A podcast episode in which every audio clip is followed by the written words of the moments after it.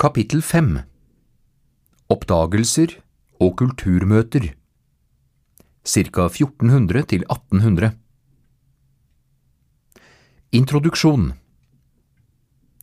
Da middelalderen tok slutt, var Europas byer i vekst. Et rastløst byborgerskap med penger mellom hendene skapte grunnlag for en kunstrevolusjon kalt renessansen.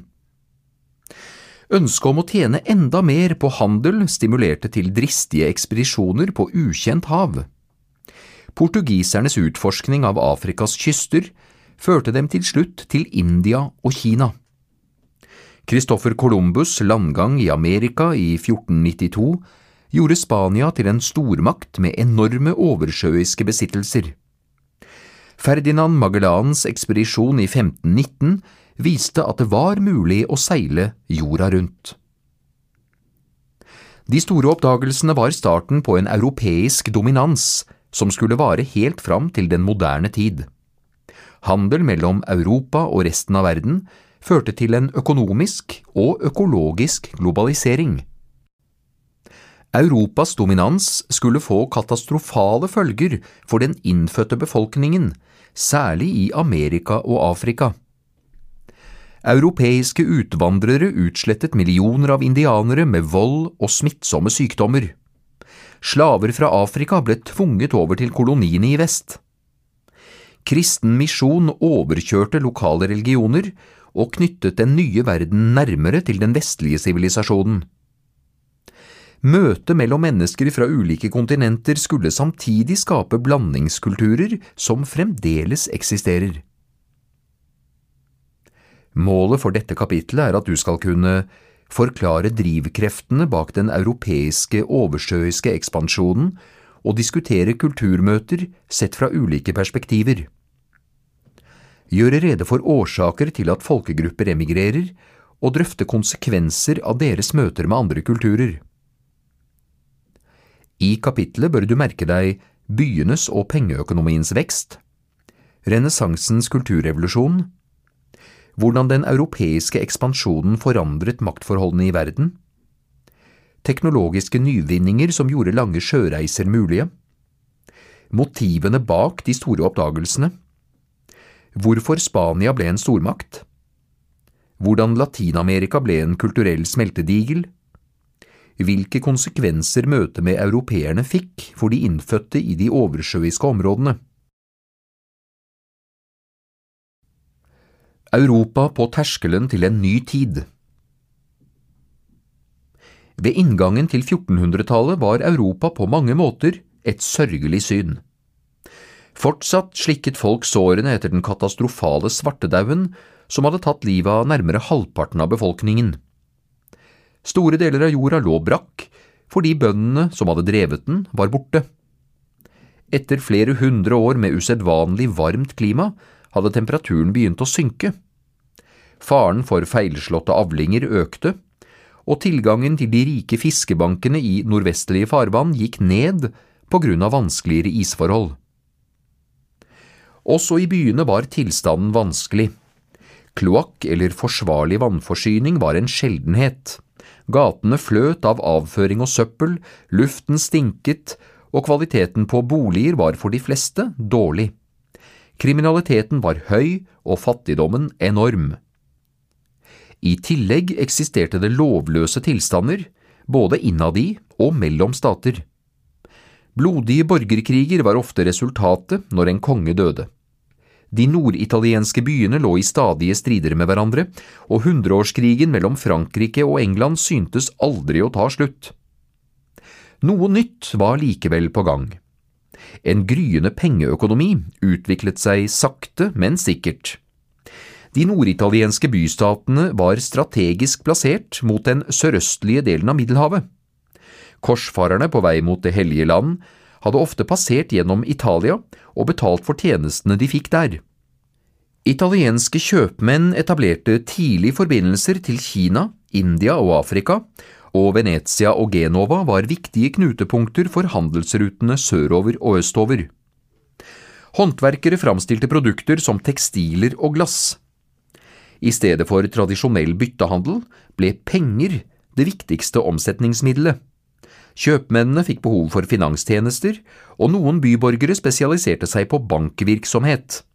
Gjennom et nettverk av filialer styrte de pengestrømmen og tjente seg rike på lån. Også andre steder i Vest-Europa var pengeøkonomien i vekst. Den tyske Hansaen langs Nordsjøen og Østersjøen var fortsatt aktiv. Flanderns byer fungerte som bindeledd mellom handelen i nord og sør i Europa. Tekstiler var en viktig eksportartikkel. Renessansens kunstrevolusjon Et resultat av den voksende handelen var en klasse av selvbevisste borgere, og flere av de nyrike fikk behov for å vise fram noe av velstanden. Med penger mellom hendene kunne de engasjere kunstnere til private oppdrag. Palasser og boliger skulle utsmykkes, og bestillinger av portrettmalerier økte. Kunst ble en salgsvare som kunne omsettes på et marked, og kunstnerne fikk muligheter til å utfolde seg i større grad enn før. Den kunstneriske fornyelsen på 1400- og 1500-tallet var så oppsiktsvekkende at den snart fikk en egen betegnelse – renessansen, rinashkita. Opprinnelig ble uttrykket brukt av arkitekten og historikeren Giorgio Vasari 1511–74. I en biografisamling om malere, skulptører og arkitekter beskrev han den voldsomme kunstneriske utfoldelsen i de italienske bystatene fra 1300-tallet og fram til sin egen tid. Der presenterte han berømte navn som Rafael, Leonardo da Vinci og Michelangelo. Vasari hevdet at kunstnerne ikke bare gjenoppdaget antikkens teknikker, men faktisk overgikk dem. Middelalderens forenklede former forsvant, og bildene ble naturlige og levende igjen. I stedet for flate figurer tok malerne i bruk sentralperspektivet. Motivene fikk dybde og bevegelse, og lignet mer på virkeligheten. Antikkens beundring av menneskekroppen kom tilbake, og skulptørene framstilte vakre legemer i utfordrende stillinger. Arkitektene fortsatte nok å bygge praktfulle kirker og katedraler, men etterspørselen etter verdslige bygg og private palasser ble stadig større. Stilidealer fra grekerne og romerne ble hentet fram og videreutviklet. Tilsvarende kunstnerisk utvikling fant også sted i andre deler av Europa renessansen som epoke. Vasaris renessansebegrep fikk senere et utvidet innhold. I 1860 ga den sveitsiske kunsthistorikeren Jacob Burkhardt ut sin berømte bok Renessansekulturen i Italia. Der beskrev han renessansen i Italia som den epoken da humanismen ble født. Mennesket kom i sentrum på en måte som var ukjent i middelalderen.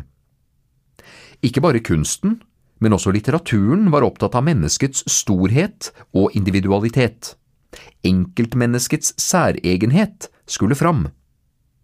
Også i religionen ble det mer vekt på det individuelle. I middelalderen skulle de troende først og fremst følge kirkens pålegg om å delta i gudstjenesten og sakramentene.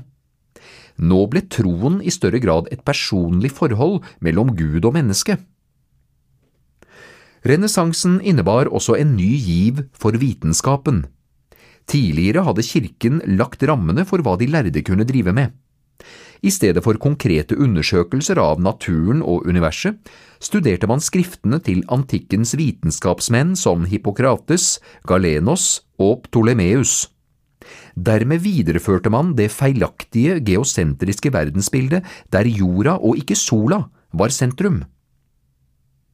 På 1400- til 1500-tallet tok vitenskapsmenn som Leonardo da Vinci og Nicolaus Copernicus viktige skritt bort fra den typen lærdom. Leonardos anatomiske studier av menneskekroppen og Kopernikus' forskning på planetenes bevegelser viste at en gryende vitenskapelig revolusjon var i gang. Nå gjaldt det å studere naturen direkte. Naturvitenskapen var ikke lenger bundet til kirkens offisielle lære, og kunne fritt jakte på sannheten om den ytre verden. Også politikken fikk et nytt grunnlag. Gjennom middelalderen hadde kristendommen lagt premissene for hvordan staten skulle ledes. De verdslige lederne måtte først og fremst følge Guds lover. På begynnelsen av 1500-tallet ble denne tankegangen kraftig utfordret, hevdet Buchardt.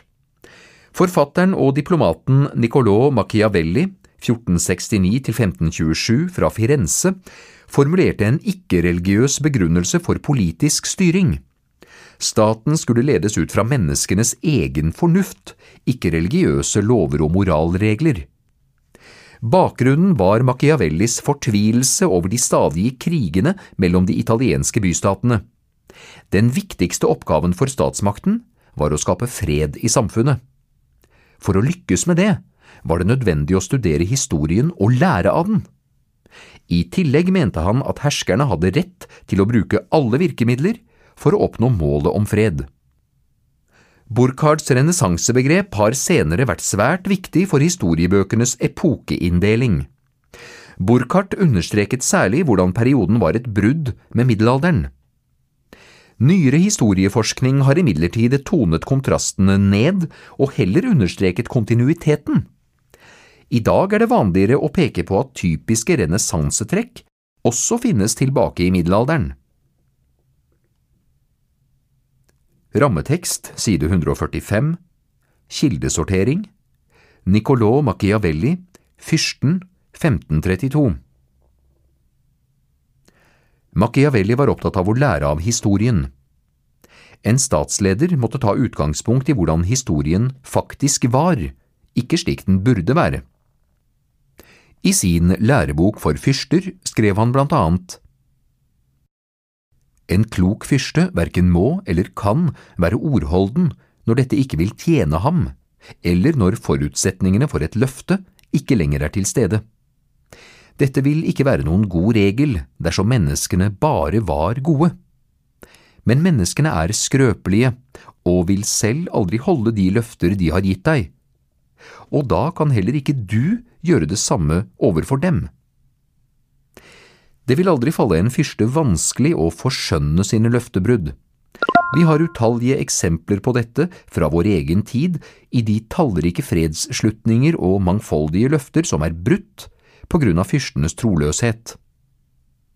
Den har lyktes mest som best har visst å benytte seg av revens egenskaper.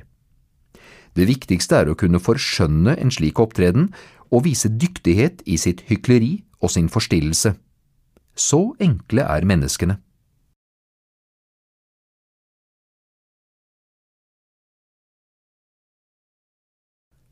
Europa erobrer verden Renessansen fant sted samtidig som Europa sto foran et historisk byks ut i verden.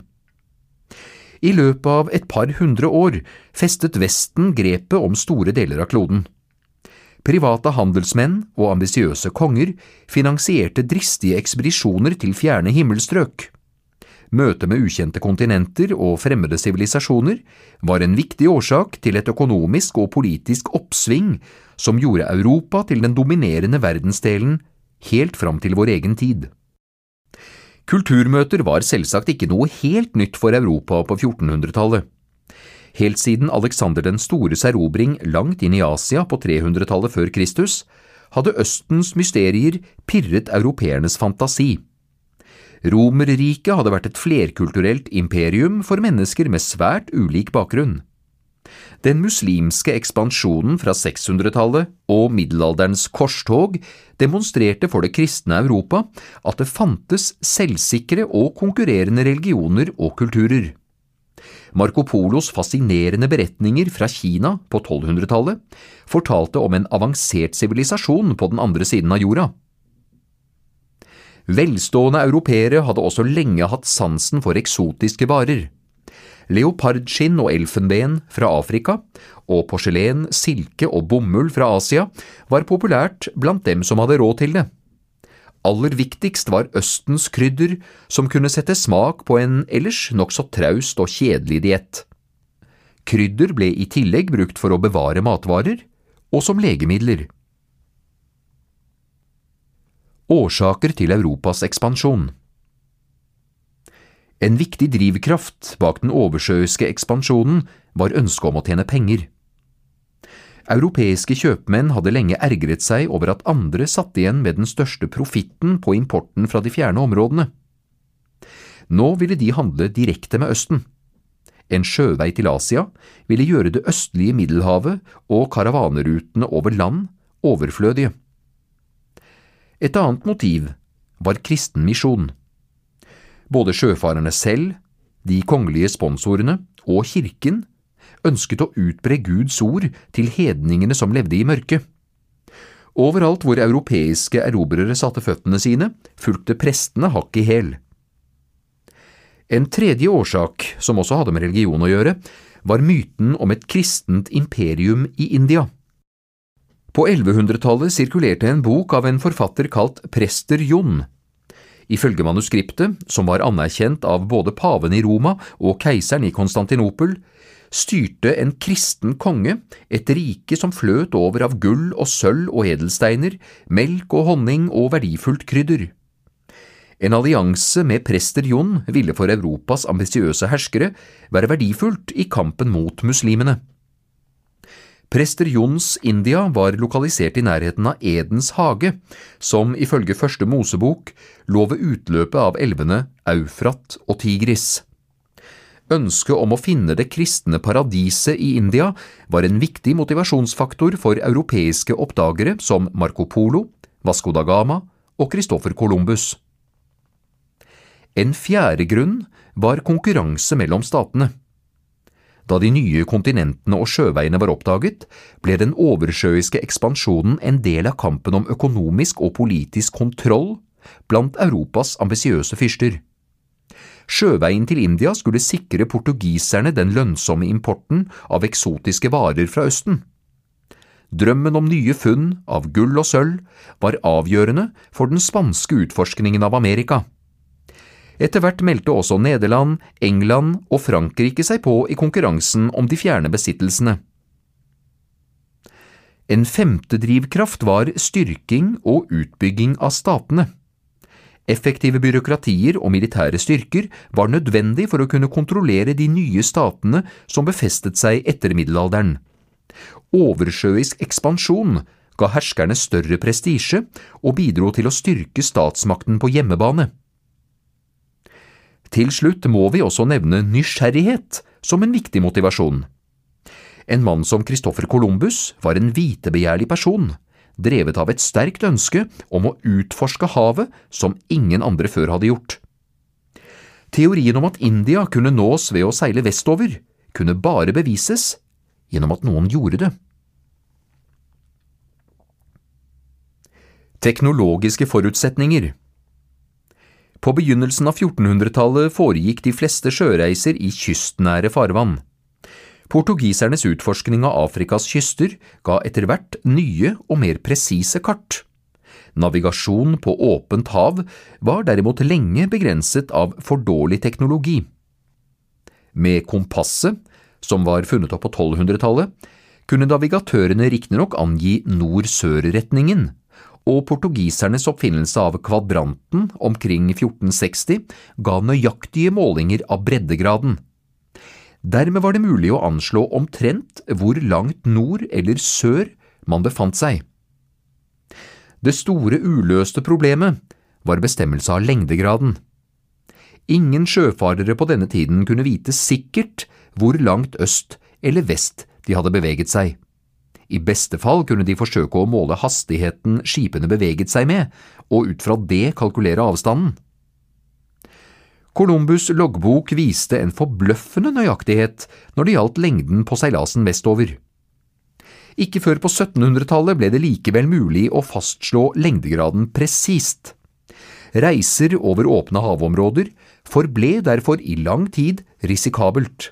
Feilnavigasjon kunne få fatale konsekvenser. De viktigste teknologiske nyvinningene på 1400-tallet var derfor ikke forbedringer av navigasjonsutstyr, men nye måter å bygge båter på.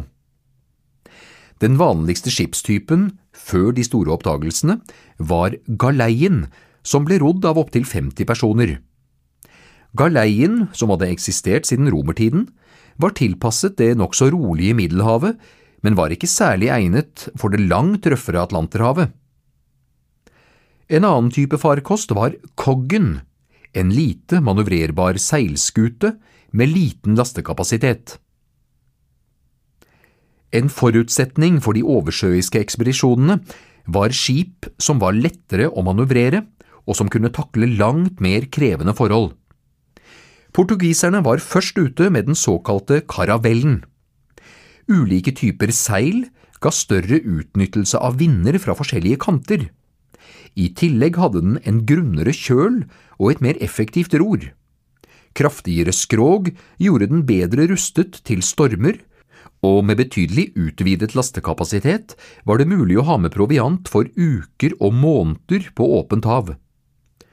Karavellen ble etter hvert også utstyrt med kanoner, noe som gjorde den til et effektivt krigsskip.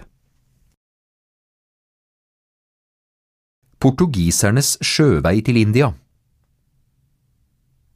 De første forsøkene på å finne sjøveien til India kom fra portugiserne. Tidlig på 1400-tallet fikk de fotfeste i Nord- og Vest-Afrika, der de enten tok eller byttet til seg gull og slaver mot våpen.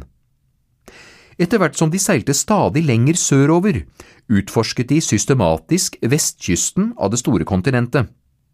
I 1487 nådde navigatøren Bartolomeus Dias Kapp det gode håp på sørspissen av Afrika. Ti år senere fant landsmannen Vasco da Gama, ca 1460 til 1524, som første europeer, sjøveien til India. Der etablerte portugiserne handelsstasjoner, og krydderimporten gjorde Lisboa til en av de viktigste byene i Europa. For å sikre kontrollen over den dyrebare handelen kom portugiserne i konflikt med muslimske kjøpmenn og hinduistiske fyrster, både langs Øst-Afrikas kyst og den persiske golfen og i India. Siden Portugals befolkning var relativt liten, var det ikke mulig å sende store styrker langt av gårde. Begrensede bombardementer og en splitt-og-hersk-taktikk overfor lokale fyrster fungerte en stund ganske effektivt. Nøkkelen til en mer langsiktig dominans var kontroll over Det indiske havet, så derfor bygde portugiserne militære fort i strategisk viktige havner. På den måten kunne de forsvare sine egne knutepunkter og styre krydderhandelen fra Østen til Europa. I tillegg var treverket til de portugisiske skipene naglet. Dermed kunne de bygge bedre kanonplattformer enn de lokale skipene noe som bidro sterkt til portugisernes sjømilitære overtak. Portugals kolonivelde i Østen skulle likevel få nokså begrenset økonomisk betydning. På grunn av den store avstanden og de farefulle reiserutene var det vanskelig å tjene store penger på handelen. En reise fra India til Portugal tok rundt ni måneder. Lastekapasiteten på skipene var for liten, og kostnadene totalt sett for høye. En annen grunn til den lave inntjeningen var at handelen var sentralstyrt. Flåten ble sendt fra Portugal når kongen hadde råd til det. Fartøyene satte kurs mot India med en ferdig liste over hvilke kryddere de skulle kjøpe, og de portugisiske utsendingene fikk ikke frihet til å forhandle og benytte seg av muligheter som dukket opp. Inderne visste hvor bundet de var, og priset varene sine deretter. Flåtene led dessuten unødvendig tap av skip og mannskaper fordi de seilte for sent på året. I tillegg møtte venezianerne konkurransen med økt import, slik at prisene på krydder falt dramatisk. Sjøveien til India ble derfor aldri den kommersielle suksessen som mange hadde forventet. Portugisernes atferd i møte med de fremmede kulturene gjorde det også vanskelig for dem å bygge et varig imperium. Vasco da Gama viste fra første stund total mangel på kunnskap om de muslimske og hinduistiske samfunnene han møtte. En stund trodde han at de han møtte var kristne etterkommere av prester Jons legendariske rike. Da det viste seg ikke å stemme, var aggressiv misjon neste skritt. Blandingen av misjonsiver og griskhet gjorde at portugiserne tok i bruk vold og trusler for å få det som de ville. Deres rykte var frynsete alt før den første ekspedisjonen var fullført, og gjennom hele sin kolonitid i Østen slet de med en til dels fiendtlig innstilt lokalbefolkning og skeptiske handelsforbindelser. Rammetekst side 150 kildesortering. Vasco da Gama til Mombasa i Øst-Afrika. På veien mot India landet Vasco da Gama i Mombasa på østkysten av Afrika. Byen var et travelt handelssentrum styrt av muslimer. Utdraget nedenfor er hentet fra den eneste gjenværende beretningen fra portugisernes møte med Mombasa. På lørdag kastet vi anker utenfor Mombasa, men entret ikke havnen. Straks deretter ble vi møtt av et lite skip med maurerer, muslimer. Foran byen lå en rekke fartøyer med alle slags flagg. Vi ankret opp her med stor glede, for vi håpet vi neste dag kunne gå i land og feire messe sammen med de kristne som visstnok skulle leve der under sin egen dommer i et område adskilt fra maurerne. Mombasa er en stor by beliggende på en høyde ved havet. Hver dag besøkes havnen av mange skip. Ved inngangen står en søyle, og ved sjøen er et lavtliggende fort.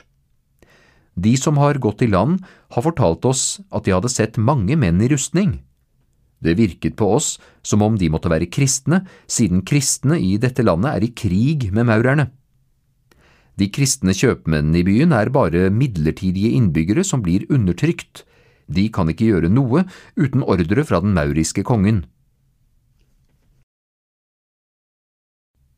Konsekvenser for ettertiden Til tross for problemene fikk portugisernes bragder på havet avgjørende konsekvenser for ettertiden. Vasco da Gama brakte India nærmere i kontakt med Europa, og da landsmannen Ferdinand Magellans ekspedisjon i 1522 lyktes i å seile jorda rundt, var store deler av verden for første gang knyttet sammen. Selv om portugiserne aldri greide å tjene store penger i Østen, sto andre nasjoner klar til å utnytte mulighetene mer effektivt. Nederlenderne og britene skulle snart rykke inn og tjene seg søkkrike på handelen med Asia. For Portugals del lå framtiden, ironisk nok, ikke i den delen av verden som de selv hadde åpnet. I år 1500 satte sjøfareren Pedro Alvarez Cabral foten på brasiliansk jord og gjorde krav på landet i den portugisiske kongens navn. Mens koloniene i Østen gradvis mistet sin betydning, økte interessen for det digre landet i vest. Fra 1600-tallet og framover emigrerte tusenvis av portugisere til Brasil, der de etablerte sukker- og kaffeplantasjer. Med seg hadde de også europeisk kveg, som formerte seg raskt i det varme søramerikanske klimaet. Til å jobbe på markene tvang de først innfødte, som ikke var vant til det harde arbeidet under den brennende sola. Mange av dem døde dessuten av sykdommer som koloniherrene brakte med seg. Malaria og kopper eksisterte ikke i Amerika før europeerne kom. Etter hvert ble de innfødte avløst av slaver fra Afrika som var immune mot sykdommene og som bedre tålte den intense varmen. Med koloniseringen fulgte med koloniseringen fulgte jesuittiske misjonærer som gjorde Brasil til det største katolske landet i verden. Med et areal mange ganger Portugals størrelse, er Brasil fremdeles det landet i verden med klart flest portugisisktalende innbyggere. Det spanske Amerika Spanias gjennombrudd som kolonimakt var i stor grad knyttet til Christoffer Columbus 1451 1506 og hans oppdagelse av Amerika. Den italienske sjøfareren hadde lenge søkt en sponsor for en ekspedisjon som skulle finne en vestlig sjøvei til Asia. Columbus mente den korteste avstanden til India måtte være rett vest og ikke rundt det enorme Afrika. Da den portugisiske kongen avslo Columbus' forespørsel, gikk italieneren til den spanske dronningen Isabella. Dronningen ga ham tre skip og løfter om rikelig belønning om han kunne åpne en raskere reiserute til høsten. Da Columbus 12. oktober 1492 satte foten på den karibiske øya som han kalte San Salvador, trodde han at han hadde nådd målet sitt, India. Han kalte derfor de innfødte for indianere. For Spania var Columbus' landgang i Amerika starten på et økonomisk og politisk eventyr som skulle gjøre landet til en global stormakt. I løpet av kort tid utforsket nye ekspedisjoner de vestindiske øyene, og etter hvert det amerikanske fastlandet. Den spanske kongen og dronningen oppmuntret sønnene av landets lavere adel til å søke lykken i vest. I første omgang etablerte de bosettinger og plantasjer, haciendaer, og de startet gruvedrift. Den innfødte befolkningen, som i begynnelsen hadde møtt europeerne med vennlighet og nysgjerrighet, ble satt til tvangsarbeid. Slitet og sykdommer tok livet av svært mange. Men livet på haciendaene tilfredsstilte ikke de mest eventyrlystne. Rykter om enorme gull- og sølvforekomster motiverte ambisiøse unge menn fra Spania til dristige reiser inn i ukjente områder. Rammetekst side 152 Kildesortering Brev fra den første reisen 1493 Seks måneder etter landgangen på San Salvador var Columbus tilbake på spansk jord. Der skrev han et brev adressert det spanske kongeparet, men samtidig myntet på et større publikum. Den italienske sjøfareren var ivrig etter å fortelle om det han hadde oppdaget, og det første brevet ble snart en av de mest publiserte beretningene fra de store oppdagelsene. Innbyggerne av begge kjønn på denne øya går alltid nakne slik de ble født, med unntak av noen kvinner som dekker seg til med et løv eller en liten kvist eller et sjal av bomull. Ingen av dem bærer noe av jern, og de har heller ikke våpen. På alle disse øyene er det ingen forskjell i kroppsform, skikker eller språk. De forstår hverandre tydelig, noe som er en stor fordel med tanke på det jeg oppfatter som vår ærede konges viktigste ønske, nemlig omvendelsen av disse folkene til den hellige troen på Kristus. Slik jeg ser det, er de både positive og klare for det. Jeg så ikke, slik noen av oss hadde ventet, kannibaler blant dem, men tvert imot mennesker med stor respekt og vennlighet. Columbus' beretning er skrevet ned etter gjenkomsten til Spania. Vi vet samtidig at han underveis også førte en dagbok. Observasjonene han refererer er derfor trolig nokså presise. For samtidens spanske publikum må beretningene ha vakt oppsikt og fascinasjon. Erobringen av Astekerriket I 1519 gikk konkvistadoren Hernan Cortés 1485 til 1547 i land på den meksikanske østkysten med en liten gruppe tungt utrustede soldater til hest. Uten støtte fra dronningen og kongen i Spania la de ut på en privat ekspedisjon på jakt etter rikdom, ære og ufrelste sjeler.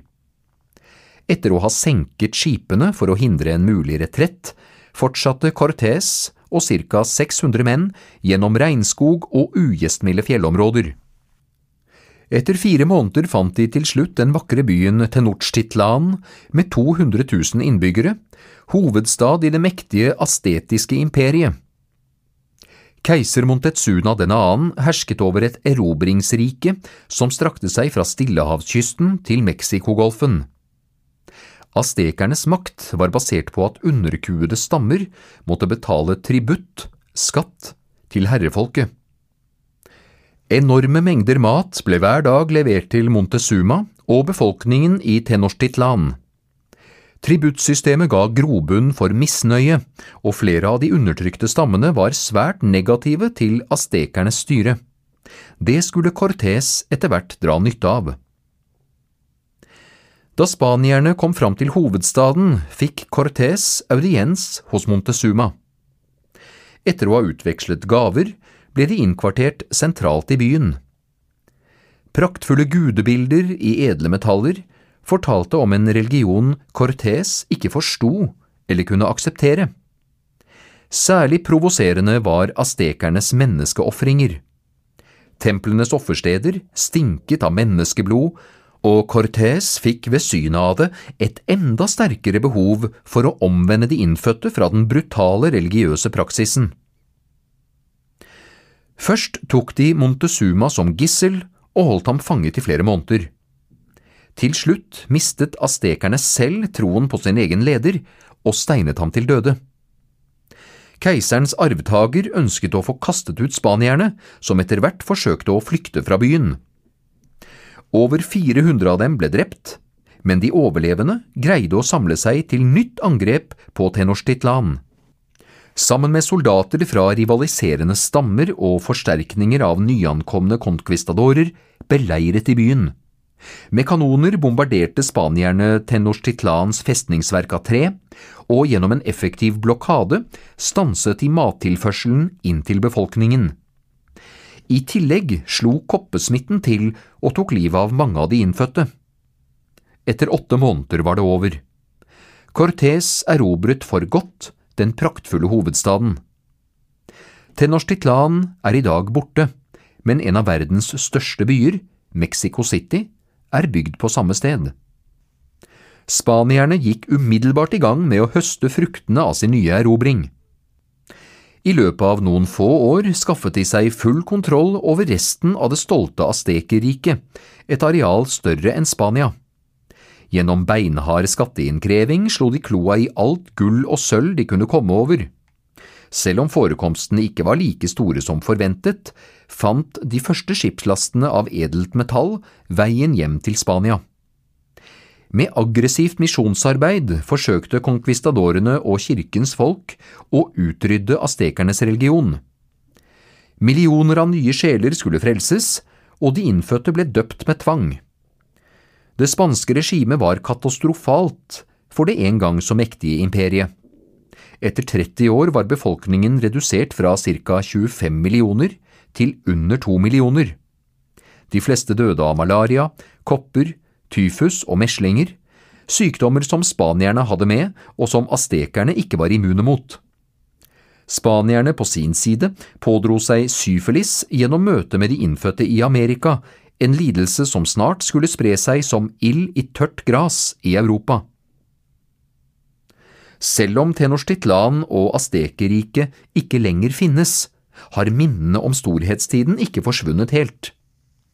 Da Mexico på 1800-tallet løsrev seg fra Spania, hentet man igjen fram gamle astekiske myter og forestillinger. På samme måte som norsk nasjonalisme på 1800-tallet så bakover på vikingtid og middelalderen, fungerte den tapte astekiske sivilisasjonen som inspirasjon for en ny meksikansk nasjonal bevissthet.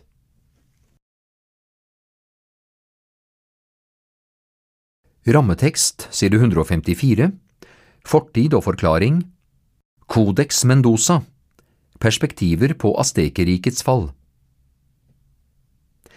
Hvordan var det mulig for noen få hundre soldater å erobre en velorganisert sivilisasjon med millioner av mennesker? Konkvistadorene forklarte det med soldatenes heroiske innsats. Kirkens menn mente det var Guds plan at indianerne skulle bli frelst. Cortés påsto at astekerne hadde en myte om en gudesendt skikkelse som skulle komme fra havet og overta makten. Resultatet var at keiseren resignerte og mistet viljen til motstand. Andre spanske beretninger hevdet at de innfødte selv trodde de var dømt til undergang på grunn av en rekke tegn og endetidsvarsler, blant annet astronomiske fenomener på himmelen. Det er grunn til å ta disse forklaringene med en klype salt. De er alle basert på seierherrenes beretninger. Kilder som forteller astekernes egen versjon, er det få av. Det finnes likevel en viktig billedlig framstilling av den stolte sivilisasjonens historie, laget av en astekisk kunstner i 1540-årene. Skriftet, kalt Codex Mendoza, gir et innfødt perspektiv på det som skjedde. Det er en førstehåndsberetning fordi den er skrevet av en som selv var tett på begivenhetene. Codex Mendoza forteller om et selvbevisst og seierrikt folk som nådeløst nedkjempet sine rivaler. Piktogrammene er kommentert med spanske skriftlige forklaringer. Ingenting i Codex Mendoza tyder på en undergangsstemning på det tidspunktet Cortés ankom Tenochtitlan. Tvert imot framstilles Montezuma som den mektigste av alle astekerkonger.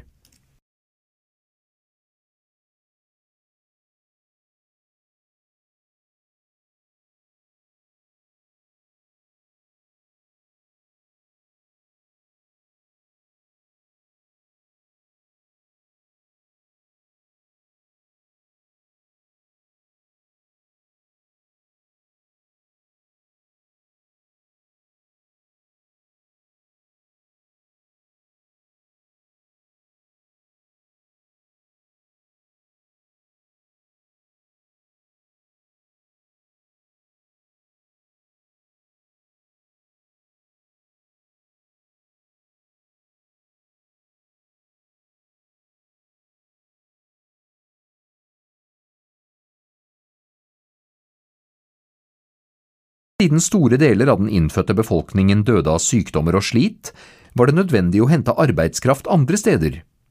Løsningen var slaver fra Afrikas vestkyst. Til sammen åtte millioner afrikanere endte til slutt opp i koloniene. Det var tre ganger så mange som spanske innvandrere.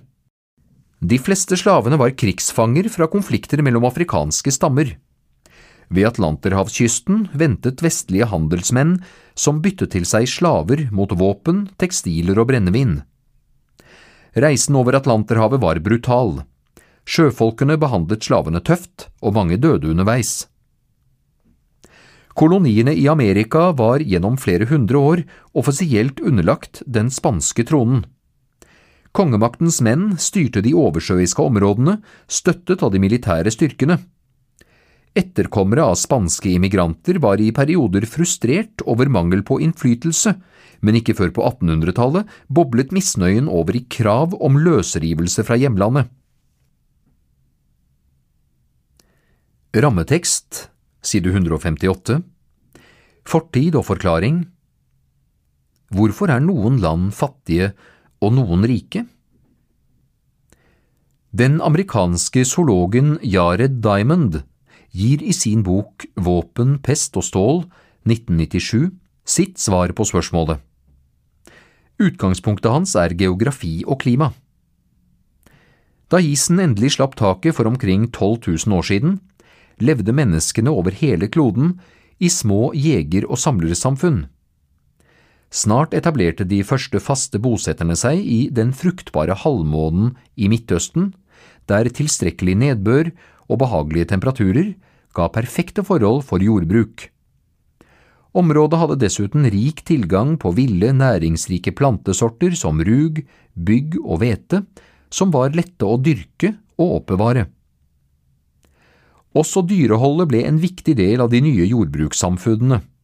I den fruktbare halvmånen fantes gris, sau, geit, kveg og hest, som alle lett lar seg temme.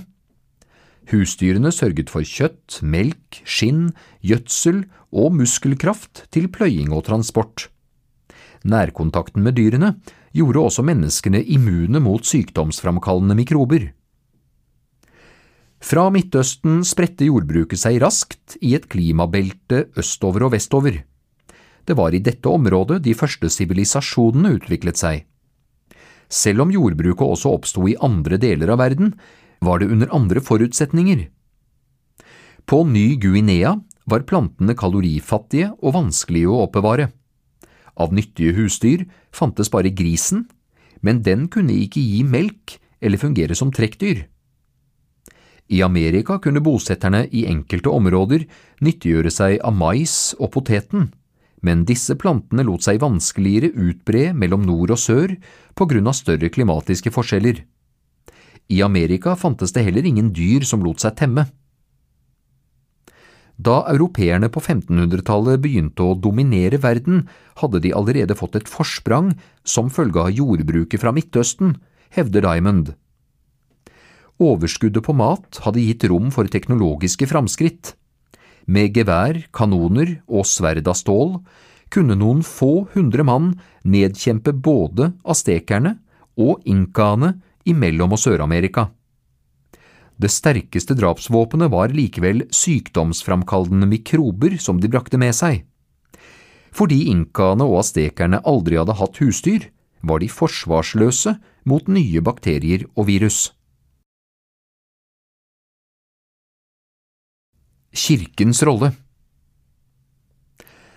En viktig institusjon i koloniene var kirken. Katedraler og kirkebygg fikk en sentral plass i de nye byene og bosettingene. Kristendommen gjennomsyret både skole og lovverk, og prestene slo ned på de innfødtes hedenskap og tendenser til avvik fra den rette kristne læren. Men selv om kirken holdt fast på en nokså streng katolsk teologi, var den også tilpasningsdyktig. Som ved tidligere anledninger lot kristendommen seg forene med mye av urbefolkningens religiøse praksis og forestillinger. Kirkens hærskare av helgener erstattet ofte de indianske gudene, og på den måten ble kristendommen forankret i en folkelig religiøsitet. For den katolske kirken var det nye kontinentet en enorm mulighet. Etter at den hadde mistet millioner av medlemmer under reformasjonen på 1500-tallet, åpnet det seg plutselig opp en helt uventet misjonsmark med tallrike ufrelste sjeler. Den katolske kirkens framtid lå like mye i den nye verden som i den gamle. I dag lever halvparten av alle katolikker i Sør-Amerika. Kulturmøter Den latinamerikanske smeltedigelen Latin-Amerika utviklet seg snart til en befolkningsmessig og kulturell smeltedigel. I begynnelsen av koloniseringen oppmuntret faktisk dronning Isabella til blandingsekteskap mellom den spanske, kreolene, og den indianske eliten. Etter hvert som slaver fra Afrika kom, blandet hvite, svarte og innfødte seg med hverandre. I motsetning til i Nord-Amerika var det lov. Selv om spanierne i utgangspunktet aksepterte slike forbindelser, mente de likevel at både de innfødtes og slavenes kultur var mindreverdig i moralsk forstand. Gradvis oppsto det derfor en form for apartheid i de fleste koloniene. Kreolene fikk sine egne bosettinger, mens andre grupper måtte holde seg i klart definerte områder. Et detaljert klassifikasjonssystem basert på rase slo fast rettigheter og plikter. Øverst i samfunnshierarkiet sto selvsagt kreolene, lenger ned sto indianerne, mestisene, mulattene og samboene. Helt på bunnen var de totalt rettsløse slavene. Selv om kastesystemet forsøkte å holde rasene fra hverandre, var det umulig å stanse både den biologiske og den kulturelle blandingen helt. Etterkommerne av slavene fra Afrika holdt i lang tid fast på deler av den kulturen de brakte med seg. Mange konverterte til kristendommen, samtidig som de videreførte flere av de religiøse tradisjonene fra stammene de kom fra. På de karibiske øyene utviklet det seg en særegen voodoo-kultur, der innslag av afrikanske rytmer og magi ble blandet med kristendom. Kirkens presteskap fikk konkurranse fra trollmenn og andre som hevdet å kunne manipulere okkulte krefter. De undertryktes opprør Selv om den spanske kontrollen over koloniene i teorien var absolutt, var den i praksis ofte begrenset. En relativt liten administrasjon og fåtallige soldater skulle styre enorme områder, ofte med en svært liten spansktalende befolkning. Den manglende styringsevnen gjorde det mulig for både indianere og svarte å gjøre opprør. Slaver rømte fra plantasjene og til avsidesliggende strøk. Slike bosettinger ble kalt kimarons, fjelltopp, eller maroner, og i mange tilfeller fikk de være i fred. Myndighetene var samtidig på vakt mot maronere som plyndret konvoiene med varer, og slo derfor kraftig ned på piratvirksomheten og andre forsøk på å utfordre den spanske dominansen.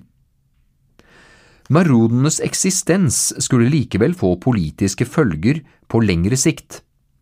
Da kolonien i Panama i 1819 løsrev seg fra Spania, var det med utgangspunkt i et maronkontrollert område. Også i andre kolonier var maronene viktige opprørsbaser. Sammendrag Perioden 1400 til 1600 var et avgjørende skille i historien. Den europeiske ekspansjonen ga Vesten kontrollen over store deler av verden. På forbløffende kort tid knyttet Europa fjerne land sammen i et globalt nettverk. Eksotiske varer som mais, poteter, tobakk, kakao og tomater forandret matvaner og skapte nye former for nytelse. Den første fasen av de oversjøiske ekspedisjonene var dominert av Spania og Portugal. En blanding av grådighet, politisk rivalisering, misjonsiver og nysgjerrighet var de viktigste drivkreftene bak den voldsomme ekspansjonen. Etter hvert som de store inntektene fra de fjerne områdene var brukt opp, meldte andre land seg på i konkurransen. På 1600-tallet kastet England, Frankrike og Nederland seg inn i kappløpet om kolonier og dominans på verdenshavene. Rivaliseringen var en del av en europeisk maktkamp mellom stater. Kontakten med andre verdensdeler betydde også kulturmøter verden tidligere knapt hadde sett maken til. Bevæpnet med kristendom, våpen og sykdomsmikrober valset europeerne i mange tilfeller over lokale religioner og kulturer. Stolte sivilisasjoner gikk på sjokkerende kort tid til grunne, og tvangsflytting av slaver fra Afrika til Amerika var en emigrasjon av historiske dimensjoner. Samtidig var det nødvendig å tilpasse seg de innfødtes kultur, og de kristne kolonistene blandet seg i mange tilfeller med lokalbefolkningen. Særlig tydelig var dette i den latinamerikanske smeltedigelen.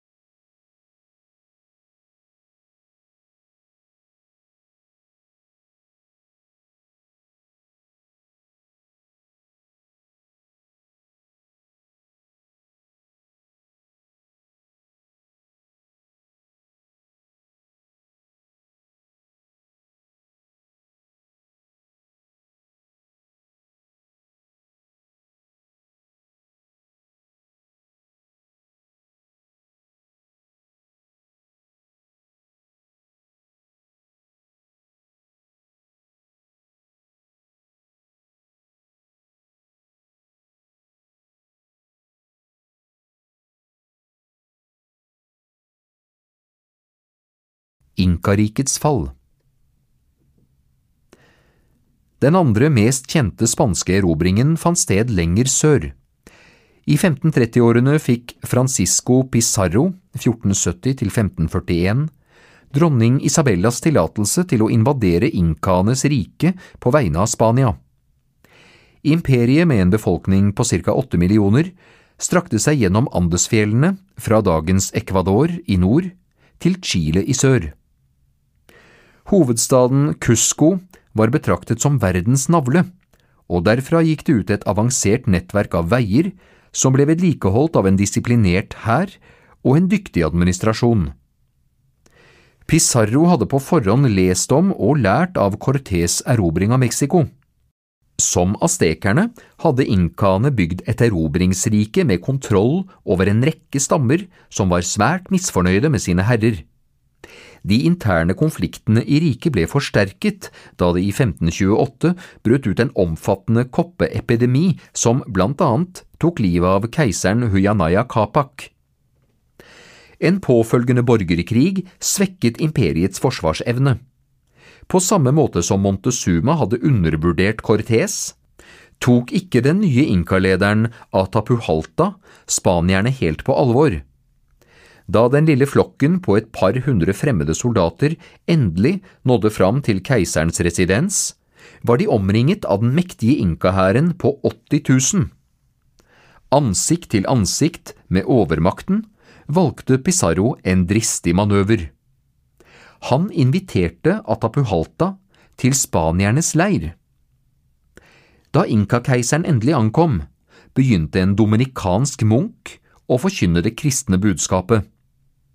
Atapuhalta reagerte med avsky og kastet fra seg en bibel han fikk i hendene. Pizarros respons var å fyre av kanoner mot de tusenvis av ubevæpnede inkaene som omkranset møteplassen. Spanierne hev seg på hesteryggen og massakrerte over 2000 innfødte før de tok keiseren som gissel. Atapuhaltas budskap til sine undersåtter var at de ikke skulle angripe, men i stedet samle inn alt tilgjengelig gull og sølv for å få kjøpt ham fri. Kidnappingen av keiseren var en katastrofe for inkaene. Uten en sterk leder kom de underliggende spenningene innad i riket til overflaten. På kort tid brøt imperiet sammen, og Pizarro kunne med sine få menn fryktinngytende hester og moderne våpenteknologi ta kontrollen over det mektige keiserdømmet. Snart ble mange satt til å jobbe under beinharde forhold i sølvgruvene som spanierne oppdaget. Som i Mexico var det likevel verken sverd, kanoner eller hardt arbeid som tok livet av de fleste. Europeernes mest dødelige våpen var sykdomsmikrober. Uten immunforsvar døde inkaene i hopetall av smittsomme sykdommer. Selv om Inka-imperiet relativt raskt kollapset, greide ikke spanierne helt å utrydde den gamle kulturen. I en del utilgjengelige områder i Andesfjellene levde grupper av inkaer videre, og gjennom flere hundre år kom det stadig til konfrontasjoner mellom de innfødte og kolonistene fra Spania. I vår tid har den tidligere sivilisasjonen vært en inspirasjonskilde for politiske bevegelser i land som Bolivia og Ecuador. Rammetekst side 157 Nærbilde.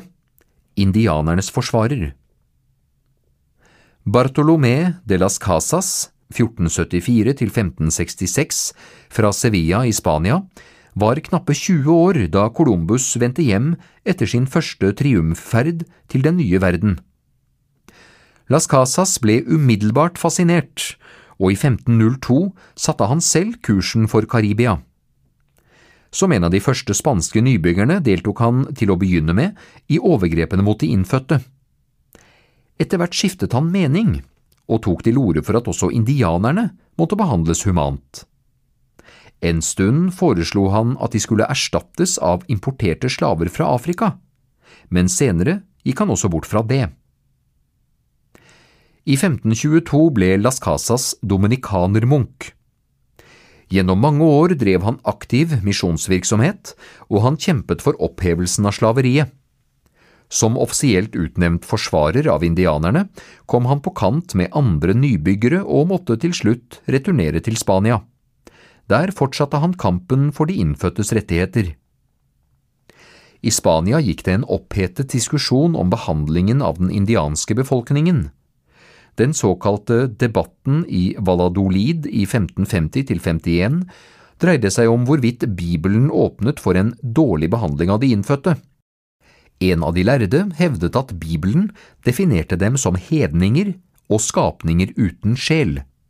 Derfor måtte de underkues og tvangskristnes. På den andre siden i debatten sto Las Casas. Hovedargumentet hans var at indianerne var født med evnen til godhet, og at de hadde en naturlig kunnskap om og lengsel etter Gud. I stedet for å bruke vold mot dem, burde misjonærene møte dem med kjærlighet og omsorg. Den spanske koloniseringen Erobringen av inkaenes rike satte for alvor fart i gull- og sølvstrømmen fra Amerika til Europa og Kina. De enorme inntektene gjorde Spania til en internasjonal stormakt. Mellom 1500 og 1800 fant edle metaller verdt 600 milliarder kroner veien til Europa. Eksotiske varer som mais, poteter, tomater, tobakk og kakao ble tatt imot med begeistring i den gamle verden. De nye territoriene i Sør-Amerika lokket også hundretusenvis av spanske emigranter til å reise vestover. Der koloniserte de store deler av kontinentet, fra Mexico i nord til Argentina og Chile i sør. I tillegg gjorde de flesteparten av de karibiske øyene til spanske besittelser. På svære haciendaer bygde de opp spansktalende samfunn.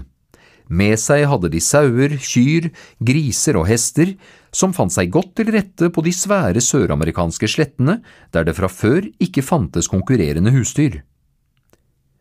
Koloniseringen av de enorme landområdene krevde langt flere bosettere enn Spania selv kunne avse. Siden store deler av den innfødte befolkningen